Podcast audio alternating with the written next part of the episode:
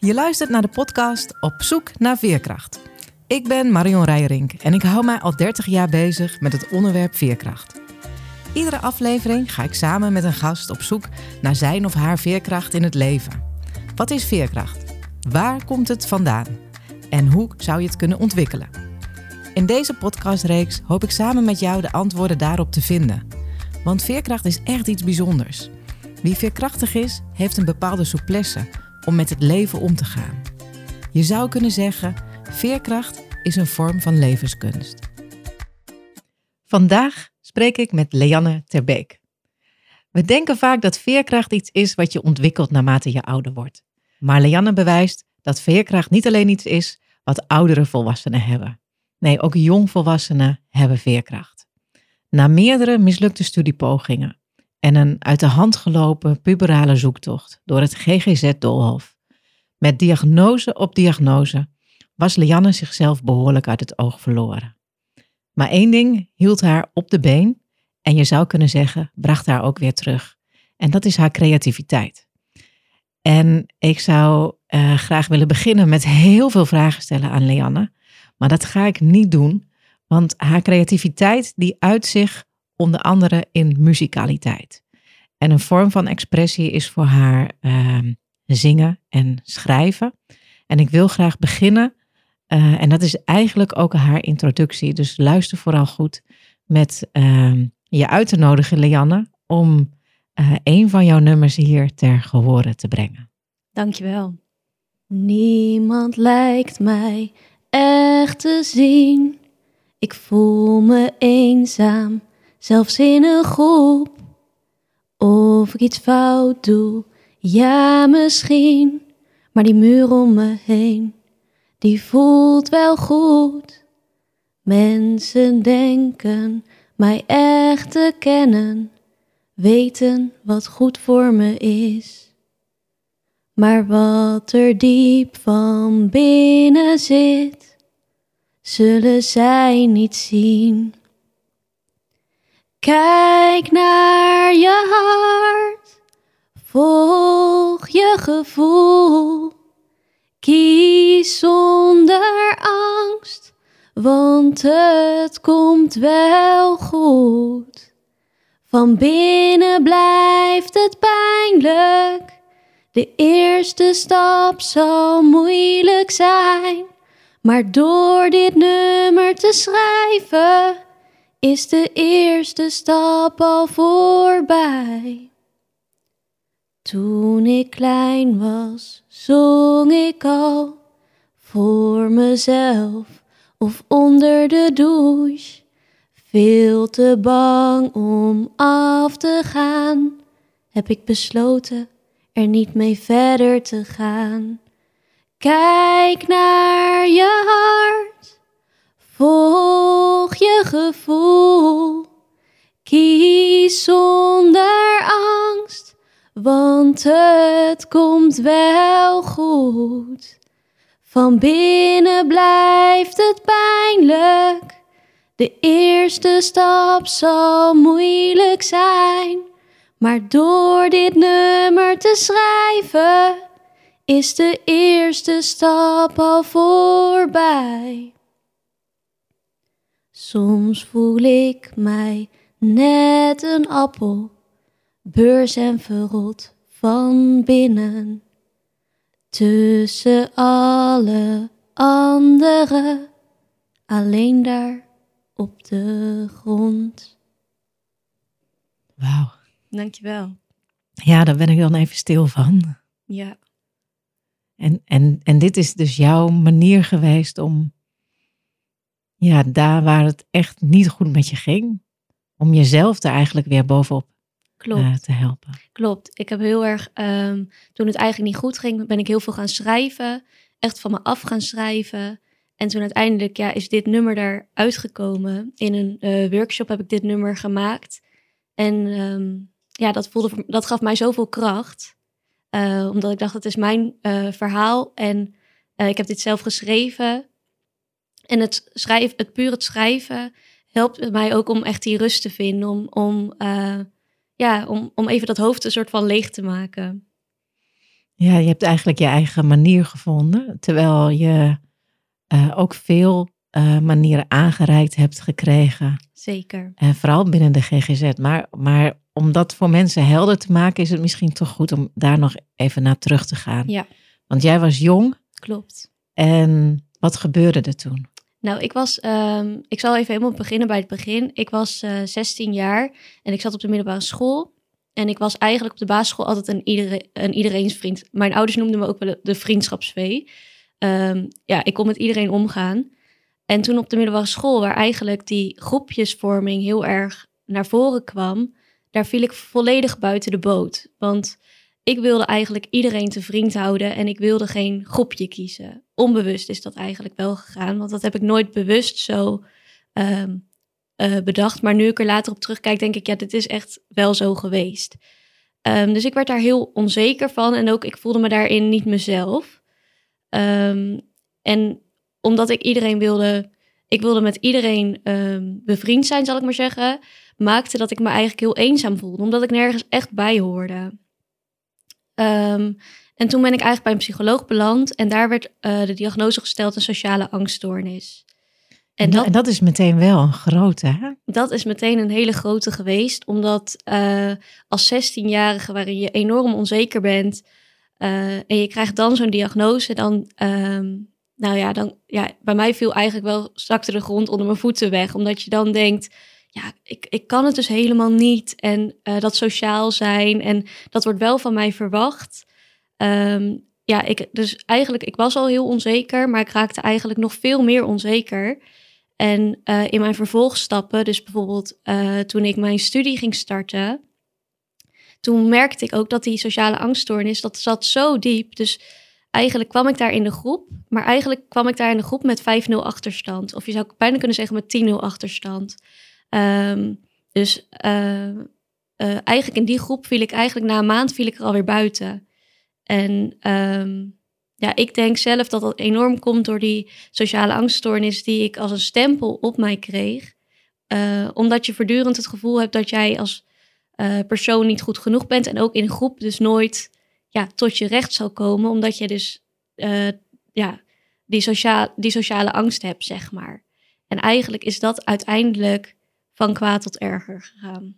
Ja, het klinkt ook alsof je, dat is volgens mij ook logisch, maar dat je bent gaan identificeren ook met het label wat je opgeplakt klopt, hebt uh, klopt. gekregen. Ja, en ik denk zeker, uh, later heb ik ook andere labels gekregen en um, um, die kon ik wat makkelijker van mij afschuiven. Maar ik denk zeker omdat ik deze, dit label zo op jonge leeftijd heb gekregen en juist zo eigenlijk in een cruciale fase, omdat um, je gaat jezelf uh, ja, ontwikkelen, zal ik maar zeggen, in die puberale. Uh, je hebt een puberale zoektocht, maar daarin ontwikkel je jezelf. Uh, en juist in die cruciale fase kreeg ik die label sociale angststoornis, waardoor. En dat heeft wel heel erg mijn uh, verdere leven, zeg maar, beïnvloed. Ja, op welke manier heeft het je verdere leven beïnvloed? Kan je daar ook nog iets over vertellen? Ja, um, um, even kijken hoor.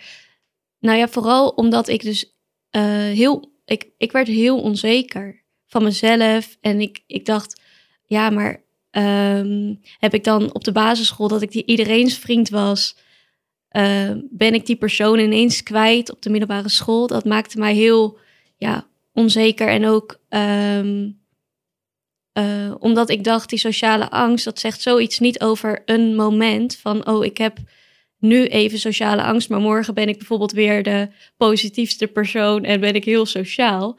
Uh, nee, sociale angst zegt echt iets over jouw uh, uh, verdere sociale contacten, zal ik maar zeggen. En ik merkte, ik wilde altijd heel graag ergens bij horen, heel graag die sociale contacten. En als je dan zo'n label sociale angst krijgt, op een gegeven moment heb je het gevoel dat dat niet meer kan. En dat je dus, dat ik dat niet meer kan en dat ik allemaal, nou ja, trainingen zou moeten volgen om, um, uh, om wel die sociale contacten op uh, ja, te kunnen maken, zeg maar.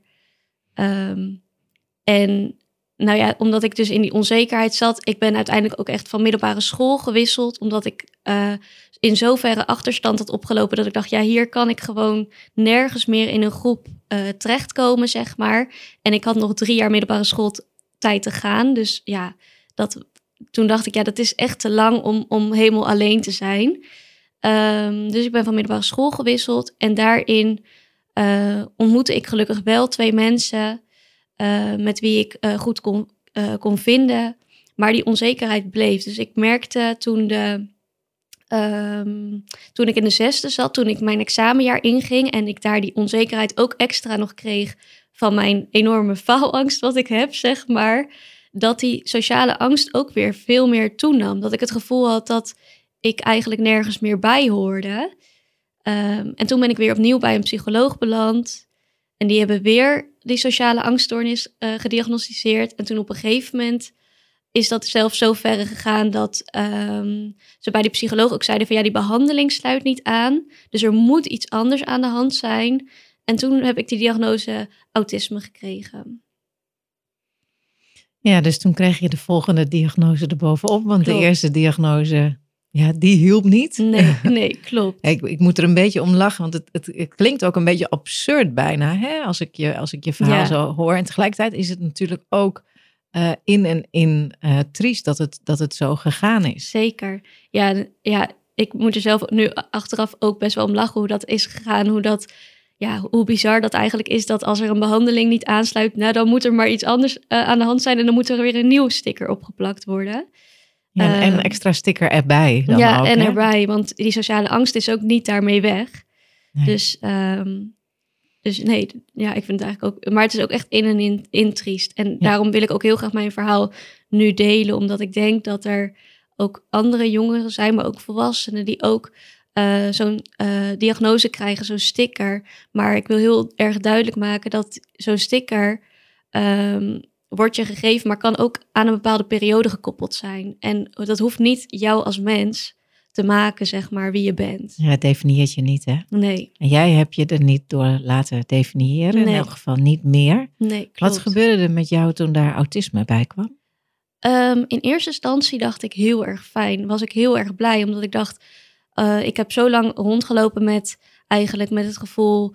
Um, uh, dat ik niet wist wie ik was. En met natuurlijk met, uh, met die sociale angst. En ik had natuurlijk wel echt, ik had wel echt problemen. Ik was heel onzeker. Dus eerst dacht ik heel fijn, want dan heb je een diagnose en denk je, oké, eindelijk iemand die me begrijpt. En nu kan ik soort van verder. Maar um, dus ik besloot ook om in groepsbehandeling te gaan. Maar eigenlijk zodra ik in die groepsbehandeling zat, voelde ik me er weer niet uh, op mijn plek. Ik had, ik had eigenlijk al heel snel het gevoel van ja, dit, dit is het niet. Um, maar goed, omdat ik, wat je net zei in de inleiding, ik heb drie studies gestopt. Dus uh, het gesprek met mijn ouders was best wel lastig toen ik zei, ik zit in groepsbehandeling, maar ik, um, ik voel me daar niet op mijn plek. Omdat zij zoiets hadden van, ja, we hebben nu, je hebt nu een soort jaarinvulling, dus je kan nu niet zeggen, uh, ik stop er weer mee, want wat ga je dan doen? Dus uiteindelijk ben ik best wel lang even in, dat, in die groepsbehandeling geweest. Maar op een gegeven moment, ik merkte steeds meer, steeds sterker um, dat ik niet op mijn plek zat daar. En uh, ik begon dat ook uit te spreken. Uh, en daar zat eigenlijk het begin dat ik uit begon te spreken naar mijn behandelaren. Van dat ik twijfelde met die diagnose, uh, autisme dus. Um, en, ik, en zij zagen dat niet zo. Dus zij gingen, um, waar mij, waar ik hoopte dat ze mij zouden helpen. En dat ze zouden kijken van, hey, hoe kunnen we dan jou wel helpen zonder dat we dat, die, die, die diagnose eraan koppelen, gingen ze eigenlijk uh, zeggen dat uh, ik mijn behandeling bijvoorbeeld blokkeerde of saboteerde zelfs. En dat um, raakte mij zo erg, dat deed mij zoveel pijn, omdat ik het gevoel had echt niet gezien te worden, um, dat dat eigenlijk bij mij een omkeer heeft gehad. Dat ik op een gegeven moment dacht, ik voelde me zo niet gezien. En toen dacht ik, daar wil ik verandering in brengen. Um, want ik heb ook kwaliteiten, zeg maar. En uh, in zo'n behandeling wordt er vooral gekeken naar het negatieve. Wat, wat kan jij niet en wat, waar zitten jouw gebreken? En ik merkte op een gegeven moment dat er oefeningen kwamen en dat ik steeds meer een soort van, nou ik zou niet zeggen tegen draads, maar wel dat ik daar niet in meeging. Bijvoorbeeld, we hadden een oefening assertiviteit en ik moest eigenlijk aangeven. Uh, uh, ik zat in die cirkel van subassertief. Ik ben zelf best wel iemand die graag iedereen te vriend wil houden, zoals ik dat net al zei. Um, En eh, zij wilde mij meer naar het assertieve en bijna naar het agressieve toe eh, krijgen, zeg maar. Dus op een gegeven moment heb ik toen ook aangegeven van... ik vind juist heel mooi als iemand een stukje subassertiviteit heeft... in plaats van volledig assertief is, zeg maar. Ehm, en dat was een van de eerste stappen. En toen daarna, um, nou ja, daar kwam corona... En mijn moeder kwam helemaal natuurlijk thuis te zitten. En ik ging voor haar de lichte werkzaamheden doen. Omdat um, ik zat helemaal thuis en ik voelde me eigenlijk ook helemaal niet nuttig in zo'n groepsbehandeling. Want je hebt het gevoel dat je volledig buiten de maatschappij staat eigenlijk. Want al mijn vriendinnen gingen gewoon door, hadden studie. En, en ik zat in die groepsbehandeling en ik was dan wel met mezelf bezig. Maar tegelijkertijd was ik ook weer zoekende in die diagnose. Um, dus, ik, uh, um, dus ik ging thuis eigenlijk werkzaamheden doen. En daarmee ja, kwam er een omkeer, omdat mijn moeder zag mij als persoon. Ze zag mijn kwaliteiten, ze zag um, wie ik was. En dat maakte, doordat iemand mij zag en tegelijkertijd uh, had ik op de, de, groepsbehandeling, merkte ik ook dat mijn lichaam ook op begon te spelen. Dus um, normaal had ik eigenlijk twee dagen behandeling en ik kon eigenlijk nog maar op een gegeven moment qua energie nog maar één dag behandeling aan. En daar werd gezegd, ja, maar dat komt omdat jij zo sociaal, uh, omdat jij zo sociaal bent en dat ligt aan jouw diagnose. En ik ging daarin twijfelen, want um, uh, ik dacht, ja, mijn lichaam geeft dat niet zomaar aan. En uh, ik voelde heel sterk dat ik niet op mijn juiste plek zat. En op een gegeven moment ben ik daarnaar gaan luisteren, omdat ik dacht, volgens mij is dit, is dit wat mijn lichaam nu zegt, dat ik hier inderdaad niet op de juiste plek zit. Ja, dus, dus je bent ontzettend uitgenodigd om jezelf serieus te nemen, zou je kunnen zeggen. Ja. En, en op een hele jonge leeftijd ook in te gaan tegen allemaal professionals die zeggen dat je iets uh, bent, dat je iets Klopt. niet bent, dat je anders zou moeten zijn dan dat je bent. Klopt. Nou, mijn ervaring is dat we zelf al genoeg van dat soort stemmetjes in ons hoofd uh, Mhm. hebben. En dat het niet goed genoeg is, dat het beter moet, dat anderen het uh, wel uh, kunnen, et cetera. En, en als ik jou beluister, had jij dus professionals in je omgeving die dat alleen nog maar versterkten. Klopt. Uh, ja. Zo hoor ik het in elk geval een beetje. En, en dan ben jij, je bent nu 23, dus, dus je zit in die fase van 16 tot, laten we maar zeggen, 22, mm -hmm. waarin de buitenwereld ook nog uh, dat versterkt. En jij blijft gewoon toch steeds maar beter en beter voelen, hé, hey, dit, dit klopt niet. Mm -hmm. Klopt. Ja, dus ik voelde eigenlijk al steeds meer dit, dat ik het gevoel had dat dit niet klopte. Um, en, um, en ja, doordat ik dus, ja, wat ik zei, dus ik werd niet gezien en ik had het gevoel, dit klopt niet. En mijn lichaam ging steeds meer opspelen. In zoverre ook dat ik gewoon heel erg somber werd. En ik dacht, um, ik, uh, dus ik werd heel erg somber en ik dacht, hier moet iets veranderen. Want anders uh, is dit voor mij geen leuk leven en ook niet voor mijn omgeving. En op een gegeven moment uh, um, zijn wij eigenlijk thuis met elkaar het gesprek aangegaan. Uh, dat ik heb gezegd van oké, ik herken die diagnose niet. En dat uh, mijn ouders ook zoiets hadden van ja, wij vinden het ook lastig. Die diagnose is jou wel gesteld, maar wij herkennen dat bijvoorbeeld niet vanuit de basisschooltijd waarin jij super sociaal was. Het kan ook echt liggen, dat, zo zei ik dat ook tegen mijn ouders, het kan ook echt liggen aan een bepaalde periode waarin ik minder lekker in mijn vel zat. Als je minder lekker in je vel zit, heb je ook minder uh, zin om sociaal te doen, zal ik maar zeggen. En uh, ben je ook echt een stuk onzekerder. Um, en zo kwam eigenlijk dus met die werkzaamheden die ik thuis deed voor mijn moeder en het gesprek die we thuis hadden, kwam eigenlijk, zijn we thuis tot de conclusie gekomen, oké, we laten de diagnoses los. Gewoon, jij bent jij zoals je bent met je ge gebreken, maar vooral je kwaliteiten.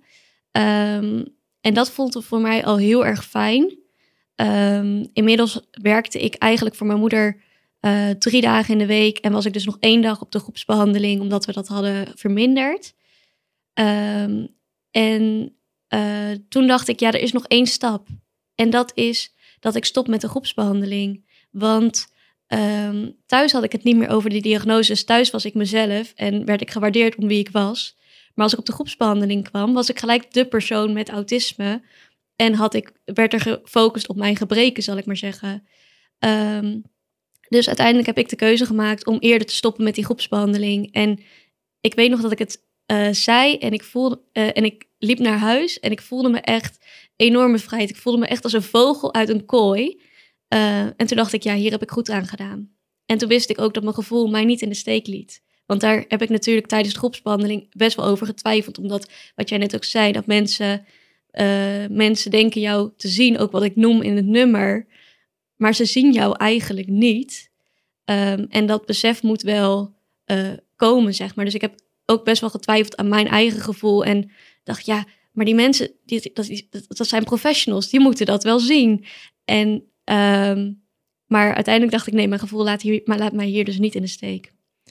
Ja, en het is natuurlijk heel mooi als je op jonge leeftijd wordt gezien door mhm. anderen. Want daarmee kan je dus je eigen zelfbeeld ook ehm, eh, ontwikkelen. Klopt. En jij hebt jezelf echt moeten leren zien. Ja. Ongeacht het beeld wat anderen van je hadden. Ja. En van daaruit kon je eigenlijk pas gezien worden door de buitenwereld, zou je kunnen zeggen. Het is eigenlijk een beetje een omgekeerde beweging. Hè? Ja, en ik denk ook op het moment dat ik mezelf zag, ik mezelf ook weer meer heb laten zien, zal ik maar zeggen. Ik ben ook, uh, ja, op het moment dat ik mezelf zag, ben ik uh, een YouTube-kanaal begonnen. Ook heb ik mezelf enorm gewoon uit die comfortzone gehaald. Um, uh, en dat durfde ik toen ook. Want ik merkte ook toen ik in die groepsbehandeling zat en ik het gevoel had dat ik buiten de maatschappij viel, dan trek ik trok ik mezelf ook terug. Dus ik had bijvoorbeeld mijn LinkedIn verwijderd. Ik deed niks op Instagram. Ik, ik appte zo weinig mogelijk mijn vriendinnen, zeg maar.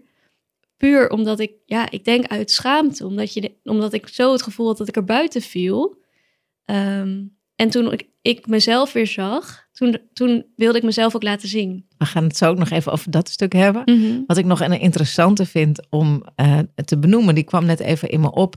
In heel veel organisaties ik werk natuurlijk ook veel als teamcoach, maar gebeurt dit ook? Hè? Dus, dus jou is het op jonge leeftijd gekomen, maar hoe vaak hebben we het niet over alles wat we nog moeten ontwikkelen? Mm Functioneringsgesprekken waarin wordt gezegd van, hé, hey, je bent daar niet goed in en dat zou je wel moeten. Alsof er zeg maar tien dieren, verschillende soorten dieren op een rij staan, waaronder een apen, maar ook nog negen andere dieren. En waar tegen gezegd wordt wie het eerst boven in die boom zit. Ja. dat gaat die olifant niet winnen. Nee. Maar die olifant kan weer hele andere dingen. Hè? Dus, dus, uh, ik, weet, ik weet niet of die metafoor echt de helder overkomt. Ja, uh, ja komt zeker zonder, zonder beeld erbij. Maar, maar het, het, het, is bijzonder dat er zo wordt gekeken ook naar wat er niet is. Mm in plaats van wat er wel is. En, ehm, en dat heb jij jezelf eigenlijk moeten, moeten aanleren. Ja, en ook wel echt, uh, ook wel echt mede dankzij mijn, mijn moeder, die echt mijn uh, kwaliteiten zag. Want wat je zegt uh, met de olifant en de aap, iedereen heeft zo zijn eigen kwaliteiten. en mijn moeder die is bijvoorbeeld heel st sterk in het in, in gesprekken voeren, maar veel minder in het schrijven. En zij, had, zij zag bij mij dat talent voor dat schrijven wel. En toen, had ze, ja, toen hebben ze eigenlijk die kwaliteiten van haar en mij gekoppeld, zal ik maar zeggen. Ja, mooi is dat, hè? Ja. Ja, en dat is ook wel een interessante, hè? Want jouw verhaal begon, uh, zoals je vandaag begon met vertellen, hè, op je zestiende. Mm Ik ben moeder van een, van een dochter van, van 16. En ik kan me voorstellen dat er uh, uh, mensen van jouw leeftijd luisteren, maar ook oudere, oudere mensen, oudere volwassenen, mm -hmm. zoals ik, die ook kinderen hebben. Wat voor tip zou jij, zou jij aan, aan ouders geven die ehm, kinderen zien opgroeien, um, waarvan ik echt herken hoe lastig het is om in deze tijd ook jong te zijn en, en alles wat daarbij komt kijken. Ja, welke tip? Ja, vooral eigenlijk um, ja, het blijven zien van, van je kind, zeg maar. In, zeker in, de, in deze maatschappij waar er zoveel druk op ligt, dat je, um, uh, je gaat naar de uh, middelbare school, je doet een opleiding. Um, en dan heb je ook nog eens dat hele persoonlijke stuk, die puberale zoektocht, zeg maar. Ja. Uh, dat het heel belangrijk is dat je als ouder je kind blijft zien. En tuurlijk, um, ik ontken ook niet dat ik, ik... Ik had ook wel echt problemen. Dus ik ben ook heel blij dat mijn ouders met mij uh, naar een psycholoog zijn gegaan. Maar wel, wat, ik als, wat ik ook ouders als tip zal geven is... Um, ja, probeer ook te waken op die, die labels die zo'n psycholoog zeg maar geeft. Dat je je kind daarin meeneemt van oké, dit label is jou gegeven, maar dat, dat bepaalt niet jouw verdere ja, levensloop, zal ik maar zeggen. Het is niet, het, be, het bepaalt niet jou als mens. Het is, het is jou, dat is jou gegeven omdat je bijvoorbeeld even minder lekker in je vel zat. Dat je als ouder het een beetje iets kleiner probeert te maken. Ehm, want ik als 16-jarige ben daarin eigenlijk volledig in, in meegenomen. Ook omdat mijn ouders ook daar, daarin natuurlijk onbekend eigenlijk waren.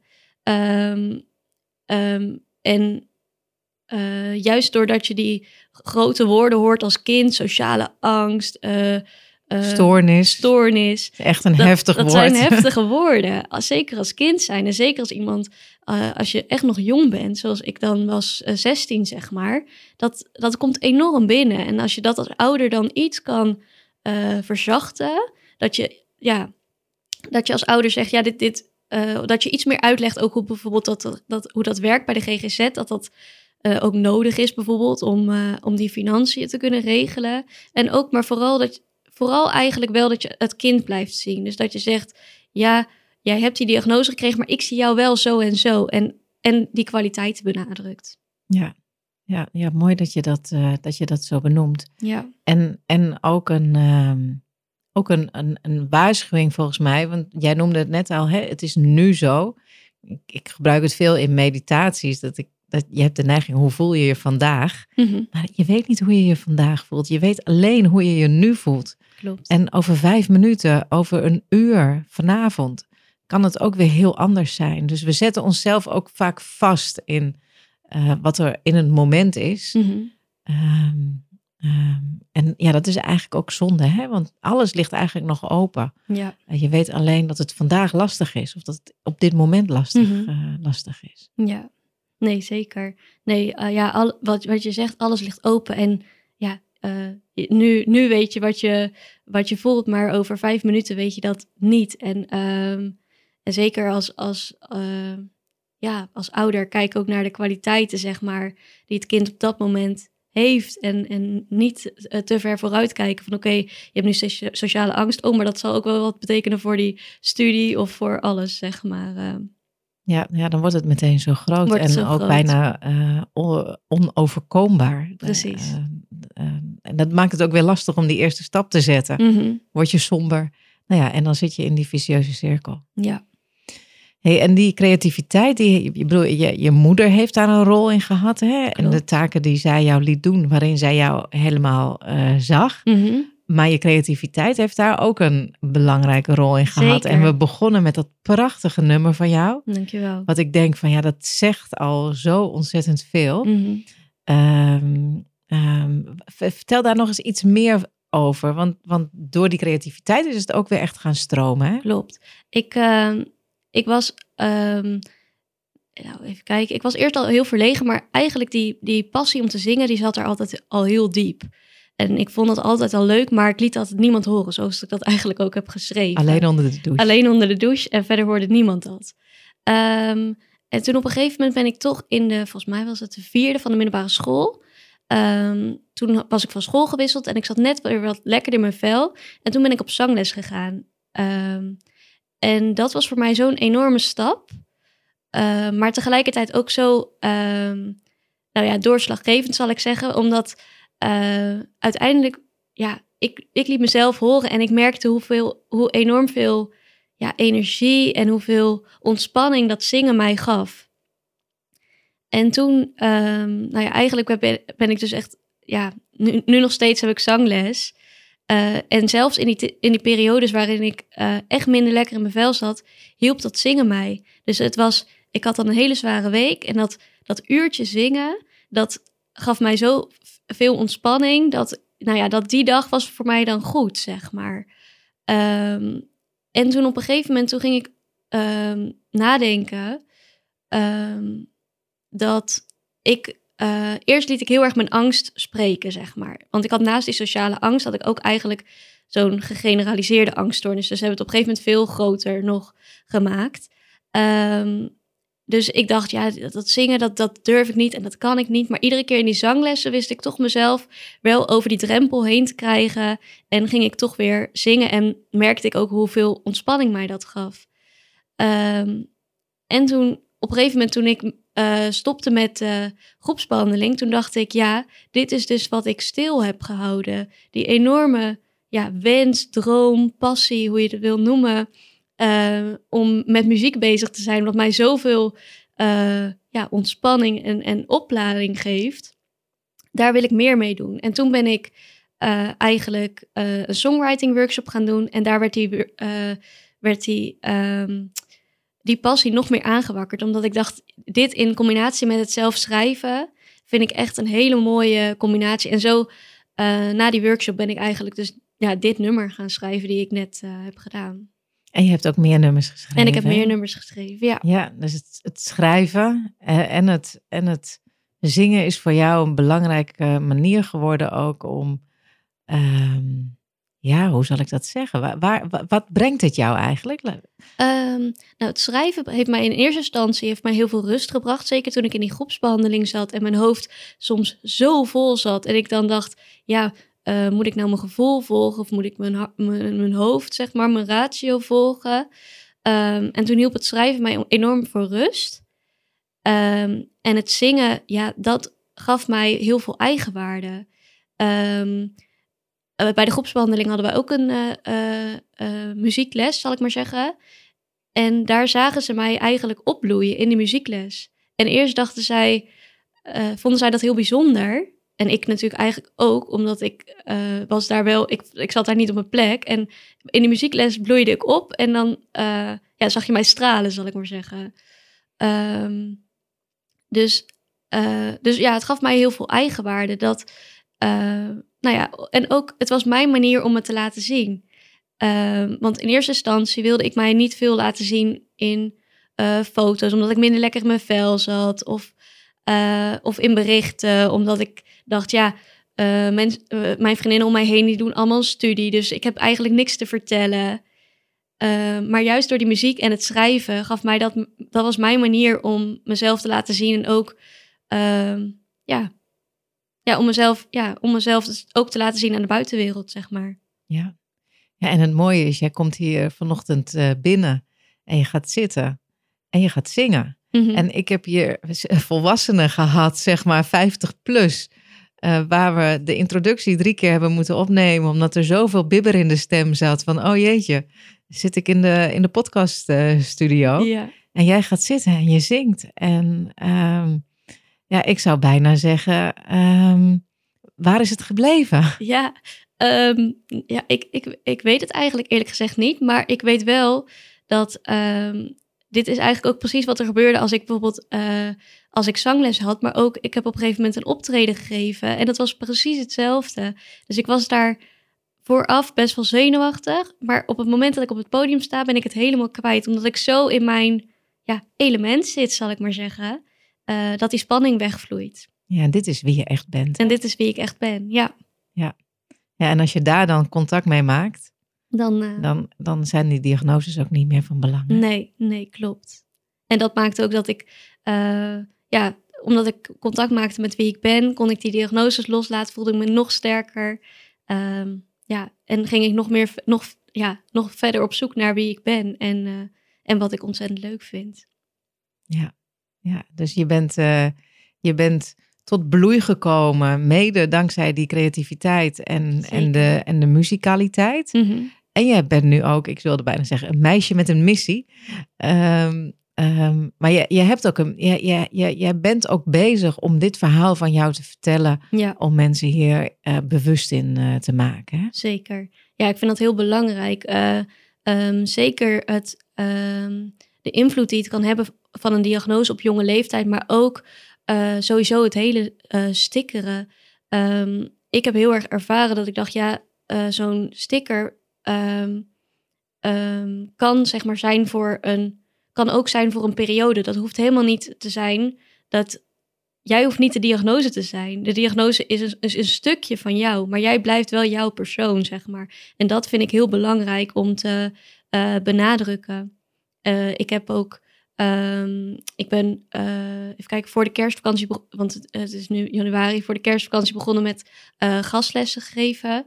En ik heb die gastles ook genoemd, volg je de DSM en of kijk je naar de mens? Want tuurlijk, het is ook voor sommige en, mensen... En even voor de helderheid, jij geeft gastlessen aan studentenpsychologie, hè? Klopt, ja. Ja, ja klopt. Ja, studenten social work, ja. Oh, social work, ja. Okay, ja. En, um, en ik heb die gastlessen gegeven um, vooral omdat ik wilde benadrukken. Dus natuurlijk, het is ook belangrijk dat je die uh, GGZ hebt en de DSM. Dat is natuurlijk ook belangrijk. Maar er zijn ook mensen, zoals ik zelf ook heb ervaren, die daar niet bij gebaat zijn. En ik wilde dat verhaal ook graag naar buiten brengen. Omdat ik denk dat het ook andere jongeren kan helpen. Uh, dat ik laat zien dat er ook andere paden mogelijk zijn dan, um, nou ja, dan, dan de GGZ en de DSM en wat daaruit komt, zal ik maar zeggen. En de DSM voor iedereen die denkt van, hé, hey, wat is DSM? Dat is het handboek van uh, voor psychologen waar alle wetenschappelijk onderbouwde psychische stoornissen, ja, ik mag even aanhalingstekens bij, um, uh, instaan. Uh, en, uh, en, en, en die, is, ehm, ja, die is toch vaak leidend. Hè? Mm -hmm. Ja. ja. ja. Hey, en wat vertel je dan in die, in die gastlessen? Is dat dan vergelijkbaar met waar wij het vandaag over gehad hebben? En, en ja, wat is dan de boodschap en hoe reageren studenten daarop? Het zijn heel veel vragen in één keer, maar ik ben daar ontzettend nieuwsgierig naar. Nou, ik heb in eerst, ik heb vooral mijn verhaal verteld zoals ik dat eigenlijk nu ook doe. Um, en, um, en vervolgens heb ik ook wel echt uh, de link gemaakt. Ik ben uh, mijn eigen bedrijf begonnen, zonder lijntjes. Um, en ik heb die link gemaakt van kijk naar je hart en volg je gevoel, want het komt wel goed. Dus ik heb heel erg de positieve nadruk proberen te geven. En daarnaast ook wel heel erg het belang laten zien dat het heel belangrijk is dat je de mens blijft zien achter de diagnose. Er zit zoveel meer achter um, een diagnose. Ja, je hebt uh, een geschiedenis, maar mensen hebben ook uh, kwaliteiten. Dus, dus ja, diagnose is maar zo'n stukje. En, en je hebt zo'n geheel voor je, zeg maar, als mens. Ja, en als ik hem dan hier nu iets breder mag, mag trekken, mm -hmm, voor de tuurlijk. mensen die, die luisteren, um, zou het wat mij betreft ook gaan over de mens zien achter wat iemand niet kan, uh, kijk maar even op je werk, hè? of je nou leiding geeft of niet, maar je team, de, de mensen in je team waar je mee samenwerkt. Voor je het weet zijn wij erg gefocust op uh, waar iemand niet goed in is, wat hij niet kan, wat hij laat liggen. Um, uh, en, en, en als je erachter kijkt, ik vind het altijd zo helpend om het te realiseren van niemand doet wat hij doet uit luxe. Nee. Uh, het is nooit van, goh, ik ga eens even lekker de boel hier lopen uh, verstieren. Of uh, nou, iemand pijn doen of uh, kwetsen of, of wat dan ook. Hè. Dus niemand doet het uit luxe. En als je soms, als je, de, als je weet wat voor geschiedenis iemand heeft of, of, of hoe die is gekomen tot waar die nu, uh, waar die nu is, dan, dan ontstaat er eigenlijk ook een gevoel van compassie. Hè? Ja. En, en dan zie je ook de, de persoon achter, nou ja, noem het maar het masker. Ja. Uh, en in dit geval zit de persoon achter de diagnose. Nou, niet, al, niet al je collega's zullen, zullen een diagnose hebben of nee. krijgen, maar het, het, het, is, het, het, is ook fijn om daar ook in een breder perspectief naar te kijken. Hè? Van, van waar, waar, waar leg je de focus? En, en, en ook van alles wat je aandacht geeft, groeit. Mm -hmm. uh, dus wat wil je aandacht geven? Hè? Ja. Ja, en ik vind dat ook ik vind dat een hele mooie aanvulling, wat je zegt, dat, uh, dat het veel verder gaat dan dat. Dus, dus het is niet eens te, zozeer, het is niet alleen de mens zien achter de diagnose, maar het is ook echt de mens zien inderdaad uh, achter hetgene wat hij niet kan. Waar, waar, let, waar let je op? En um, um, ja, bij mij was dat inderdaad, bij mij is dat in een diagnose, maar is het ook wel uh, dat stuk geweest dat met een diagnose wordt ook heel erg gekeken naar waar liggen jouw gebreken en... Um, nou ja, ik wilde heel erg benadrukken dat er ook gekeken moet worden naar kwaliteit, inderdaad. Ja, juist eigenlijk. Juist, hè? ja, ja, ja, zeker. Ja, ja en, en dat geldt dus ook voor iedereen. En ik kan me voorstellen, als je jong bent, nog meer, omdat je persoonlijkheid zich aan het ontwikkelen is. Mm -hmm. Wat ik heel sterk vind, ook in jouw verhaal, is ook een soort. Een, ik heb, wat, we, wat we doen, is we identificeren ons met onze persoonlijkheid. Uh, en dan identificeren we ons ook nog het meest met de delen van de persoonlijkheid waar we iets niet kunnen of iets niet mm -hmm. zijn wat anderen wel zijn. Hè?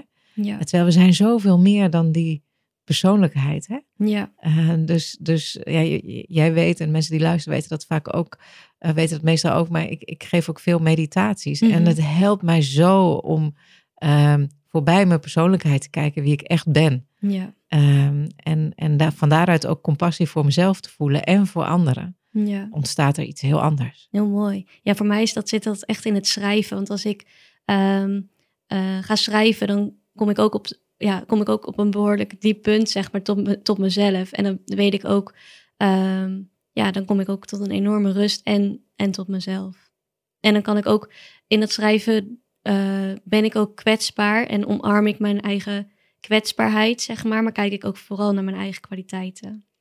Ja, en wat jij bedoelt met schrijven is niet per se uh, songteksten schrijven, hè, maar jij doet echt aan journaling. Ja, klopt. Wil je daar nog iets over vertellen? Ja, ik heb een uh, boekje, schrijf, even kijken. Eén um, vraag per dag, zal ik maar zeggen. En dan schrijf ik, moet ik antwoord geven op die vragen. Die vragen zijn heel verschillend, maar het geeft uh, mij even de ruimte, even rust om even na te denken. soms zijn het hele diepe vragen van, goh, hoe zie jij jezelf bijvoorbeeld over vijf jaar? En soms zijn het ook heel erg vragen van, oké, welk, uh, wat voor kleur sokken heb je bijvoorbeeld vandaag aan? Maar het geeft even net even een andere uh, ingang en het geeft net even een ander idee. En, maar vaak maakt die vraag ook juist dat ik verder ga schrijven. Dus ik schrijf dan bijvoorbeeld een uh, zo heb ik bijvoorbeeld een keer, uh, schrijf ik af en toe een brief naar mezelf om te zeggen oké, nu sta je hier en hier. Um, en je mag ook, ook soms trots zijn. Wat jij zei, ik ben echt iemand met een missie, maar ik mag soms ook even weer terugkijken en even echt trots zijn op wat ik heb gedaan, zal ik maar zeggen. Um, en um, ja, en zo, en zo schrijf ik ook of bijvoorbeeld uh, s'avonds waar ik dankbaar voor ben. En zo probeer ik elke dag wel voor mezelf wat dingen op te schrijven. En vooral echt gericht op die positiviteit, de kwaliteiten. Uh, en wat ik zeg, soms terugkijken en reflecteren op wat, uh, wat, wat, ja, wat er achter me ligt, zal ik maar zeggen. Ja, mooi. Ja, er zit zoveel wijsheid in dit gesprek. Hè? Mm -hmm. Dus de expressie van wie je echt bent hè? en je eigen creatieve flow volgen. En, en ook echt zien wie je in essentie bent en je eigen kwaliteiten. Ja. Tot en met ook de praktische tips van, hey, hoe doe je dat nou? Uh, en dan niet te geloven dat ik tegenover iemand zit van 23. nee. Dat vind ik, echt, uh, vind ik echt waanzinnig. Dus Dankjewel. prachtig hoe je dit uh, pad voor jezelf ehm, hebt gelopen. Heb je nog één ding wat je, van je zegt van, god, dat zou ik de mensen die luisteren nog willen meegeven ter afsluiting? Je hebt eigenlijk al heel veel gegeven, mm -hmm. hè? maar is er nog iets waarvan je denkt van, goh, dat is misschien nog niet aan de orde gekomen. Vind ik nog fijn om te benoemen. Of ik heb nog een tip of een idee. Ja, ik denk dat ik dan vooral zou afsluiten met om het even uh, um, uh, samen te vatten. En ook eigenlijk uit mijn refrein van mijn nummer. Van ja, kijk naar je hart en volg je gevoel, want het komt wel goed. En dat wil ik eigenlijk alle mensen meegeven. Um, iedereen is mens en uh, je bent goed zoals je bent, zal ik maar zeggen. Prachtige afsluitende woorden. Dankjewel, Leanne. Dankjewel. Veerkracht is een vorm van levenskunst. Mens zijn met hart en ziel, ongeacht de omstandigheden. Want die omstandigheden zijn steeds minder relevant voor iemand die veerkrachtig is. Je kunt dan met een bepaalde souplesse omgaan met het leven. Leuk dat je luisterde naar deze aflevering van Op zoek naar veerkracht.